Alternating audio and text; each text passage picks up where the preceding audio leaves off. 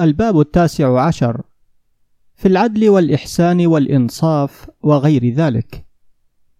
اعلم أرشدك الله أن الله تعالى أمر بالعدل ثم علم سبحانه وتعالى أنه ليس كل النفوس تصلح على العدل بل تطلب الإحسان وهو فوق العدل. فقال تعالى إن الله يأمر بالعدل والإحسان وإيتاء ذي القربى. النحل تسعون. فلو وسع الخلائق العدل ما قرن الله به الإحسان. والعدل ميزان الله تعالى في الأرض الذي يؤخذ به للضعيف من القوي والمحق من المبطل.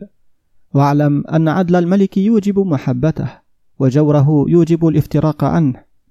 وأفضل الأزمنة ثوابا أيام العدل. وروينا من طريق أبي نعيم عن أبي هريرة رضي الله عنه عن النبي صلى الله عليه وسلم أنه قال لعمل الإمام العادل في رعيته يوما واحدا أفضل من عمل العابد في أهله مائة عام أو خمسين عاما.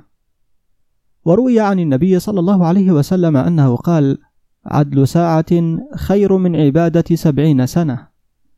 وروينا في سنن أبي داود من حديث أبي هريرة رضي الله عنه عن النبي صلى الله عليه وسلم أنه قال ثلاثة لا ترد دعوتهم. الإمام العادل والصائم حتى يفطر ودعوة المظلوم تحمل على الغمام وتفتح لها أبواب السماء. وعن عمر بن الخطاب رضي الله عنه أنه قال لكعب الأحبار أخبرني عن جنة عدن. قال يا أمير المؤمنين لا يسكنها إلا نبي أو صديق أو شهيد أو إمام عادل. فقال عمر والله ما أنا نبي وقد صدقت رسول الله صلى الله عليه وسلم. وأما الإمام العادل فإني أرجو ألا أجور وأما الشهادة فأنى لي بها. قال الحسن فجعله الله صديقا شهيدا حكما عدلا. وسأل الإسكندر حكماء أهل بابل أيما أبلغ عندكم أيما أبلغ عندكم الشجاعة أو العدل؟ قالوا إذا استعملنا العدل استغنينا به عن الشجاعة. ويقال عدل السلطان أنفع من خصب الزمان. وقيل إذا رغب السلطان عن العدل رغبت الرعية عن طاعته. وكتب بعض عمال عمر بن عبد العزيز رضي الله عنه يشكو إليه من خراب مدينته ويسأله مالا يرمها به. فكتب إليه عمر قد فهمت كتابك فإذا قرأت كتابي فحصن مدينتك بالعدل ونقي طرقها من الظلم. فإنه مرمتها والسلام. ويقال إن الحاصل من خراج سواد العراق في زمن أمير المؤمنين عمر بن الخطاب رضي الله عنه كان مائة ألف ألف وسبعة وثلاثين ألف ألف فلم يزل يتناقص حتى صار في زمن الحجاج ثمانية عشر ألف ألف. فلما ولي عمر بن عبد العزيز رضي الله عنه ارتفع في السنة الأولى إلى ثلاثين ألف ألف وفي الثانية إلى ستين ألف ألف. وقيل أكثر. وقال إن عشت لأبلغنه إلى ما كان في أيام أمير المؤمنين عمر بن الخطاب رضي الله عنه فمات في تلك السنة. ومن كلام كسرى لا ملك إلا بالجند ولا جند إلا بالمال ولا مال إلا بالبلاد ولا بلاد إلا بالرعايا ولا رعايا إلا بالعدل. ولما مات سلمة بن سعيد كان عليه ديون للناس ولأمير المؤمنين المنصور فكتب المنصور لعامله استوف لأمير المؤمنين حقه وفرق ما بقي بين الغرماء فلم يلتفت إلى كتابه وضرب للمنصور بسهم من المال كما ضرب لأحد الغرماء ثم كتب للمنصور إني رأيت أمير المؤمنين كأحد الغرماء. فكتب إليه المنصور ملئت الأرض بك عدلا وكان أحمد بن طولون والي مصر متحليا بالعدل مع تجبره وسفكه للدماء وكان يجلس للمظالم وينصف المظلوم من الظالم. حكي أن ولده العباس استدعى بمغنية وهو يصطبح يوما فلقيها بعض صالحي مصر ومعها غلام يحمل عودها فكسره.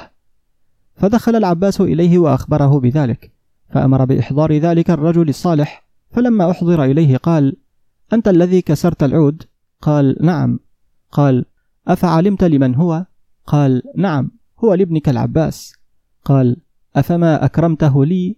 قال أكرمه لك بمعصية الله عز وجل؟ والله تعالى يقول والمؤمنون والمؤمنات بعضهم أولياء بعض يأمرون بالمعروف وينهون عن المنكر. التوبة 71 ورسول الله صلى الله عليه وسلم يقول لا طاعة لمخلوق في معصية الخالق. فأطرق أحمد بن طولون عند ذلك ثم قال كل منكر رأيته فغيره وأنا من ورائك. ووقف يهودي لعبد الملك بن مروان فقال يا أمير المؤمنين إن بعض خاصتك ظلمني فأنصفني منه وأذقني حلاوة العدل. فأعرض عنه فوقف له ثانيا فلم يلتفت إليه. فوقف له مرة ثالثة وقال يا أمير المؤمنين إنا نجد في التوراة المنزلة على كليم الله موسى صلوات الله وسلامه عليه أن الإمام لا يكون شريكا في ظلم أحد حتى يرفع إليه. فإذا رفع إليه ذلك ولم يزله فقد شاركه في الظلم والجور. فلما سمع عبد الملك كلامه فزع وبعث في الحال إلى من ظلمه فعزله وأخذ لليهودي حقه منه. وروي أن رجلا من العقلاء غصبه بعض الولاة ضيعة له فأتى إلى المنصور فقال له أصلحك الله يا أمير المؤمنين أأذكر لك حاجتي أم أضرب لك قبلها مثلا؟ فقال بل اضرب المثل. فقال إن الطفل الصغير إذا نابه أمر يكرهه فإنما يفزع إلى أمه إذ لا يعرف غيرها وظنا منه أن لا ناصر له غيرها فإذا ترعرع واشتد كان فراره إلى أبيه. فإذا بلغ وصار رجلا وحدث به أمر شكاه إلى الوالي لعلمه أنه أقوى من أبيه. فإذا زاد عقله شكاه إلى السلطان لعلمه أنه أقوى ممن سواه. فإن لم ينصفه السلطان شكاه إلى الله تعالى لعلمه أنه أقوى من السلطان. وقد نزلت بي نازلة وليس أحد فوقك أقوى منك إلا الله تعالى. فإن أنصفتني وإلا رفعت أمري إلى الله تعالى في الموسم فإني متوجه إلى بيته وحرمه. فقال المنصور بل ننصفك. وأمر أن يكتب إلى واليه برد ضيعته إليه. وكان الإسكندر يقول يا عباد الله إنما إلهكم الله الذي في السماء الذي نصر نوحا بعد حين الذي يسقيكم الغيث عند الحاجة وإليه مفزعكم عند الكرب. والله لا يبلغني أن الله تعالى أحب شيئا إلا أحببته واستعملته إلى يوم أجلي ولا أبغض شيئا إلا أبغضته وهجرته إلى يوم أجلي. وقد أنبئت أن الله تعالى يحب العدل في عباده ويبغض الجور من بعضهم على بعض فويل للظالم من سيفي وصوتي ومن ظهر منه العدل من عمالي فليتكئ في مجلسي كيف شاء وليتمنى علي ما شاء فلن تخطئه أمنيته. والله تعالى المجازي كلا بعمله. ويقال إذا لم يعمر الملك ملكه بالإنصاف خرب ملكه بالعصيان.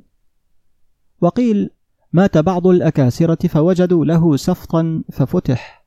والسفط هو الوعاء يوضع فيه الطيب. فوجد فيه حبة رمان كأكبر ما يكون من النوى معها رقعة مكتوب فيها هذه من حب رمان عمل في خراجه بالعدل.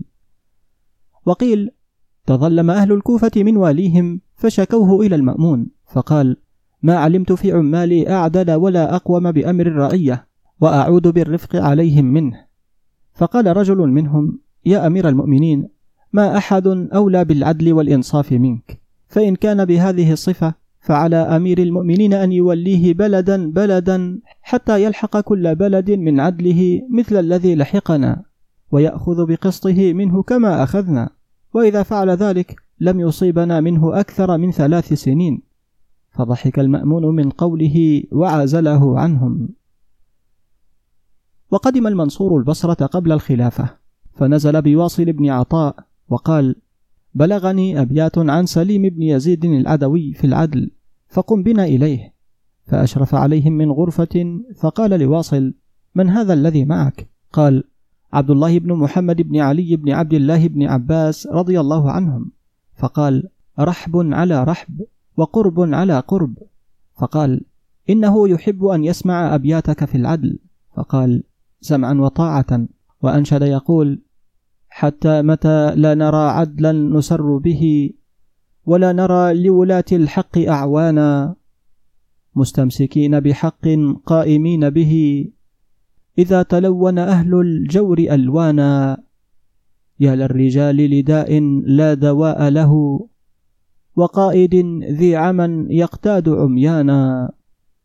فقال المنصور وددت لو أني رأيت يوم عدل ثم مت وقيل لما ولي عمر بن عبد العزيز أخذ في رد المظالم فابتدأ بأهل بيته فاجتمعوا إلى عمة له كان يكرمها وسألوها أن تكلمه فقال لها إن رسول الله سلك طريقا فلما قبض سلك أصحابه ذلك الطريق الذي سلكه رسول الله صلى الله عليه وسلم فلما قضي الأمر إلى معاوية جره يمينا وشمالا وأيم الله لأن مد في عمري لأردنه إلى ذلك الطريق الذي سلكه رسول الله صلى الله عليه وسلم وأصحابه. فقالت له يا ابن أخي إني أخاف عليك منهم يوما عصيبا. فقال كل يوم أخافه دون يوم القيامة فلا أمنيه الله.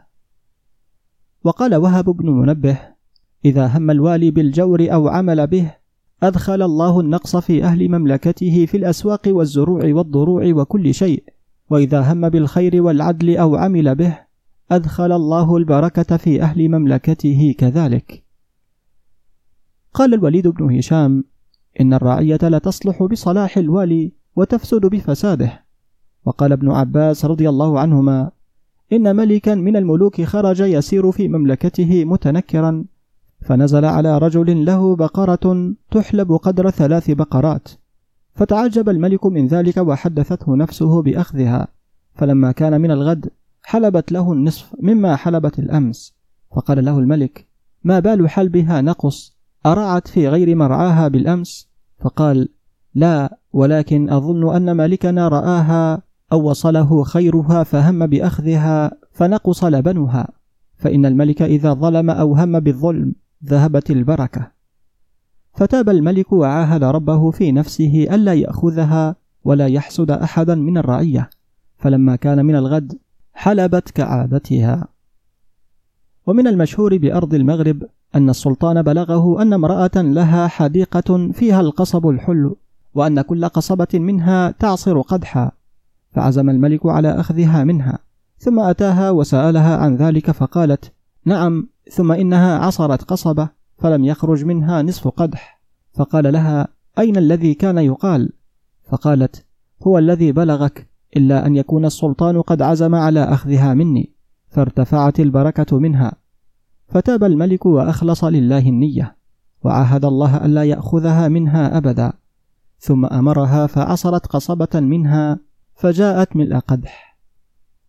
وحكى سيدي أبو بكر الطرطوشي رحمه الله في كتابه سراج الملوك قال حدثني بعض الشيوخ ممن كان يروي الأخبار بمصر قال كان بصعيد مصر نخلة تحمل عشرة أرادب ولم يكن في ذلك الزمان نخلة تحمل نصف ذلك فغصبها السلطان فلم تحمل شيئا من ذلك العام ولا تمرة واحدة. وقال لي شيخ من أشياخ الصعيد أعرف هذه النخلة وقد شاهدتها وهي تحمل عشرة أرادب وستين ويبة وكان صاحبها يبيعها في سيني الغلاء كل ويبة بدينار. وحكى أيضا رحمه الله تعالى قال شهدت في الإسكندرية والصيد مطلق للرعية السمك يطفو على الماء لكثرته وكانت الأطفال تصيده بالخرق من جانب البحر ثم حجزه الوالي ومنع الناس من صيده فذهب السمك حتى لا يكاد يوجد إلى يومنا هذا. وهكذا تتعدى سرائر الملوك وعزائمهم ومكنون ضمائرهم إلى الرعية. إن خيرا فخير وإن شرا فشر. وروى أصحاب التواريخ في كتبهم قالوا كان الناس إذا أصبحوا في زمان الحجاج يتساءلون إذا تلاقوا من قتل البارحة ومن صلب ومن جلد ومن قطع وما أشبه ذلك.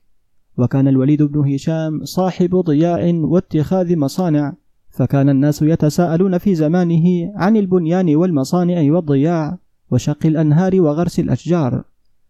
ولما ولي سليمان بن عبد الملك وكان صاحب طعام ونكاح كان الناس يتحدثون ويتساءلون في الأطعمة الرفيعة ويتغالون في المناكح والسرار ويعمرون مجالسهم بذكر ذلك. ولما ولي عمر بن عبد العزيز رضي الله عنه كان الناس يتساءلون كم تحفظ من القرآن وكم وردك كل ليلة؟ وكم يحفظ فلان؟ وكم يختم؟ وكم يصوم من الشهر؟ وما أشبه ذلك. فينبغي للإمام أن يكون على طريقة الصحابة والسلف رضي الله عنهم ويقتدي بهم في الأقوال والأفعال. فمن خالف ذلك فهو لا محالة هالك. وليس فوق السلطان العادل منزلة إلا نبي مرسل أو ملك مقرب. وقد قيل إن مثله كمثل الرياح التي يرسلها الله تعالى بشرا بين يدي رحمته فيسوق بها السحاب ويجعلها لقاحا للثمرات وروحا للعباد. ولو تتبعت ما جاء في العدل والإنصاف وفضل الإمام العادل لألفت في ذلك مجموعا جامعا لهذا المعنى. ولكن اقتصرت على ما ذكرته مخافة أن يمله الناظر ويسأمه السامع. وبالله التوفيق إلى أقوم طريق. وصلى الله على سيدنا محمد وعلى آله وصحبه وسلم.